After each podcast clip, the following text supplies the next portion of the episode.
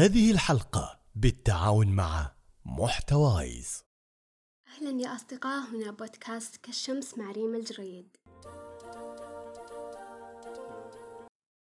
كثير من الناس يعتقدون أن كأس العالم آه، مجرد رياضة أو كورة أو شيء لتضيعة الوقت والتسلية لكن ما يعرفون أن هذا الشيء له أبعاد كثيرة منها سياسية منها دينية أبعاد جدا كثيرة آه، تخفى علينا لازم يعني نتعمق أكثر في الموضوع عشان نبدأ نستوعبها.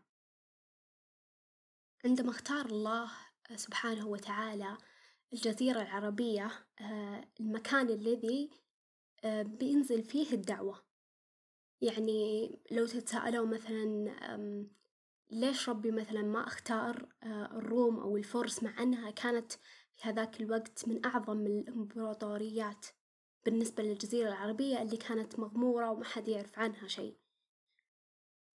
اختار ربي الجزيرة العربية عن باقي مناطق العالم لأنها تمتاز أو شعبها يمتاز بالأخلاق الكريمة منها الكرم كما يتصف بها العرب وغيرها من الأخلاق والرجولة والشهامة.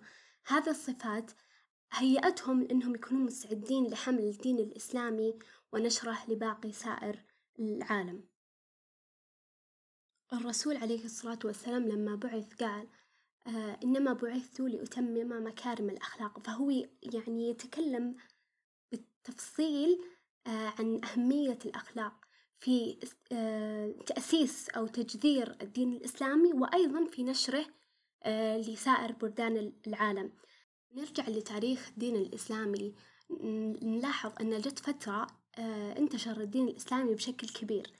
ما انتشر وقتها بسبب الحروب أو أو أي شيء ثاني لكن انتشر بسبب تجار المسلمين وليش انتشر بسببهم؟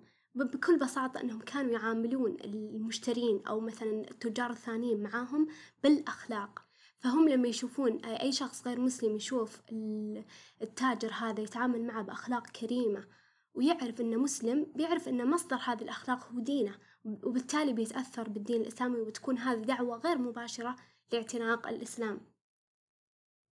في عصرنا الحالي آه صارت الدعوة للإسلام نوعا ما أصعب من قبل. ليش؟ السبب أن الدول الغير مسلمة صار لها نفوذ وقوة أكبر. يعني مثلا أمريكا أو أي دولة عظمى من الدول العظمى هي دولة غير مسلمة. فأي شخص مثلا بلا دين أو أيا كانت ديانته بيشوف هذه الدولة بيقول أكيد هي ناجحة وأنا بتبع طريقها. لأن دائما الناس تلحق الشخص الأقوى أو تتبع الشخص الأقوى. حتى يتبعونها بشكل لا واعي.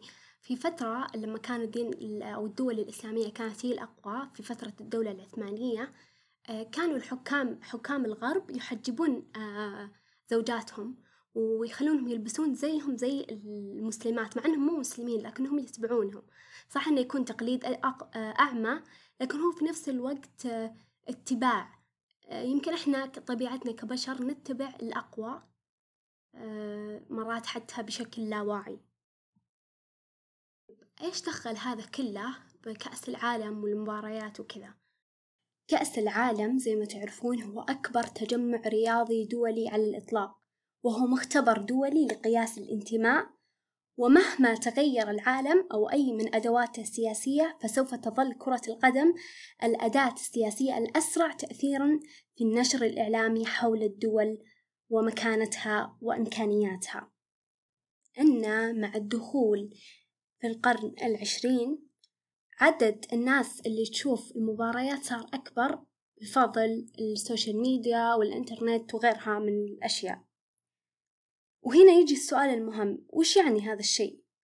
الحقيقة المتفق عليها أن لاعبي كرة القدم في العالم يتواجدون في كل دولة موجودين في كل مدينة في كل قرية في كل مكان موجودين بلا استثناء هذا الوجود أو تواجدهم في هذا المكان بدينا نعرف قديش مباراة مدتها تسعين دقيقة ممكن تأثر آه، وبتأثر على التاريخ والسياسة تأثير أكبر من تأثير مواقع التواصل الاجتماعي حتى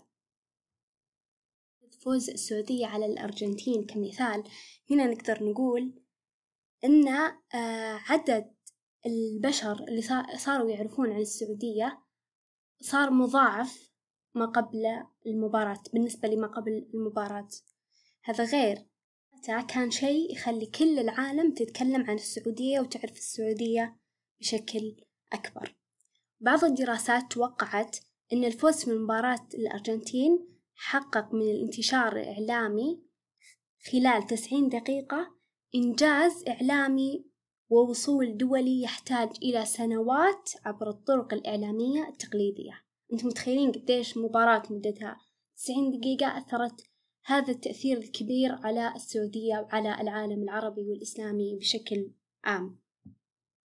أهم الأسباب اللي تقوي كرة القدم إنها رياضة والرياضة لا يمكن أن يعني أن يمارسها غير الإنسان. ما نقدر نستبدل الإنسان بآلة تقوم بلعب المباراة وغيرها. عشان كذا هي بتظل موجودة مهما تقدمت التقنية وتطورت.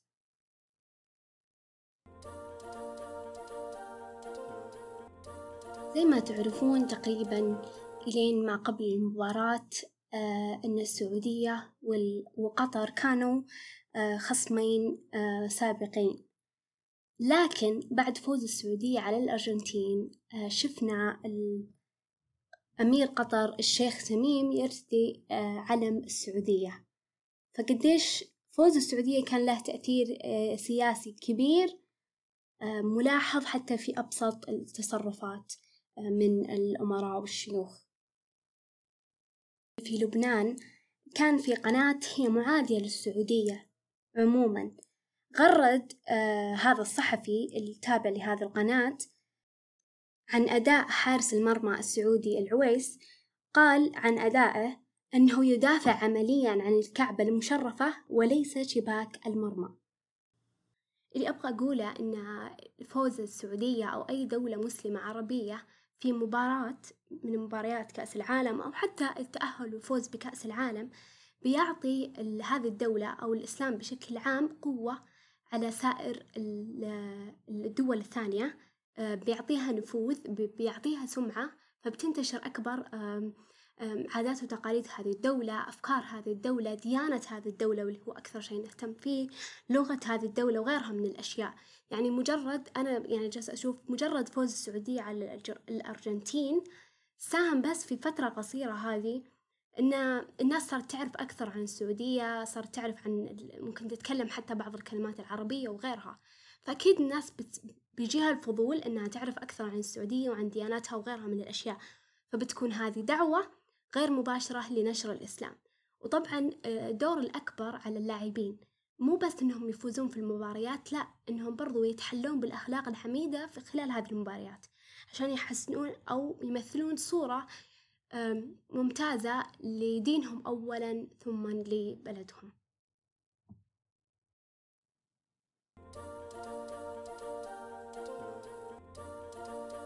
طيب إيش دورك أنت كفرد؟ عشان تغير أو تطور من وطنك وتنشر دينك. أول شيء ابدأ بنفسك.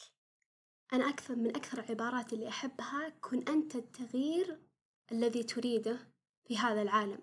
يعني إذا أنت تبغى تغيير معين يصير في العالم ابدأ بنفسك أولا. ثم بعدها ممكن تبدأ بغيرك والناس اللي حولك وتأثر فيهم. لكن خلي شغلك الشاغل نفسك. طورها علمها. استغل الموارد المتاحة قدامك. استغل الإنترنت في إنك تتعلم كل مرة شيء جديد. إذا أنت تحب اللغات تعلم لغة جديدة. آه إذا أنت تحب التقنية تعلم لغة برمجة جديدة أو غيرها من الأشياء. استغل كل شيء متاح قدامك. لما تروح المدرسة وتدرس استغل أن الحكومة اللي أنت جالس تدرس على حسابها أو حتى لما تكون دارس جالس تدرس عن آه على حساب أهلك احتسب أو دايما تذكر إنهم دفعوا هذا الشيء عشانك عشان تتطور عشان تكون شخص أفضل. حاول تستغل جميع الموارد المتاحة قدامك. أتذكر أنا أول ما دخلت الجامعة من أكثر الأشياء اللي حفزتني إني إني أجتهد في جميع المواد المتاحة حتى المواد الحرة اللي أحس إنها ما لها داعي وما لها علاقة بتخصصي وغيرها من الأشياء. من أكثر الأشياء اللي حمسني إني أجيب درجات عالية فيها إن معرفة قدامي قاعدة تنعرض لي مجانا بدون أي يعني طلب مني ليش ما آخذها؟ ممكن اليوم أحس إني ما أحتاجها ممكن بكرة أحتاجها ممكن مادة حرة أشوفها مرة تافهة وأنا خلاص أقدر أتعلمها في أي مكان. طب هي متاحة الحين قدامك مجانا ليش ما تستغل هذا الشيء وتتعلم شيء جديد؟ ليش لا؟ كل شيء تستثمره في نفسك هذا الشيء بيرجع لوطنك ولدينك. إذا أنت كنت شخص فعال في المجتمع حتى لو كان تأثيرك بسيط مثلا جالس تأثر بشكل إيجابي على أخوانك في البيت على أصدقائك المقربين هذا التأثير حتى لو دارت الدنيا ورجعت بيأثر في المجتمع بطريقة آه، معينة.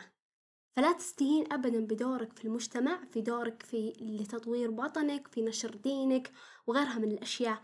أنت خليك أنت التغيير في هذا العالم.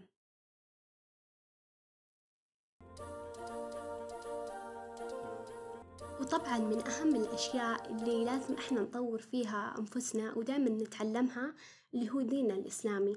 وما نكتفي بالتعليم اللي اللي يكون متاح لنا في فترة المدرسة وخلاص بعدها بنتخرج ونصير ما نقرأ أشياء دينية أو نحضر محاضرات عشان نزيد ثقافتنا الدينية ونتعرف على ديننا بشكل أكبر. يقول الله سبحانه وتعالى وذكر فإن الذكرى تنفع المؤمنين. ومن من التفاسير لهذه الآية أن المسلم دائما يحتاج إلى التذكير. دائما المعلومات الدينية تغيب عن بالنا. نحتاج مرات نسمع آيات نسمع, موا... نسمع مواعظ نسمع أحاديث وغيرها من الأشياء عشان يتجدد الإيمان في قلوبنا. فحرص دائما إذا أنت مثلا تحب القراءة أنك تخل تخصص كتاب ديني تقرأ مثلا مرة في الشهر. تخصص محاضرة تسمعها بأي طريقة ممكنة. ممكن تحضر محاضرات ممكن تسمع أشياء ممكن تتابع حسابات دينية على مواقع التواصل الاجتماعي.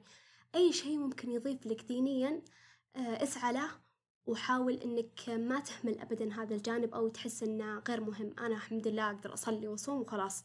لا أبدا ما كان الدين مجرد صلاة وصيام آه، صلاة وصيام جدا مهمة لكن أنت تحتاج أشياء ثانية.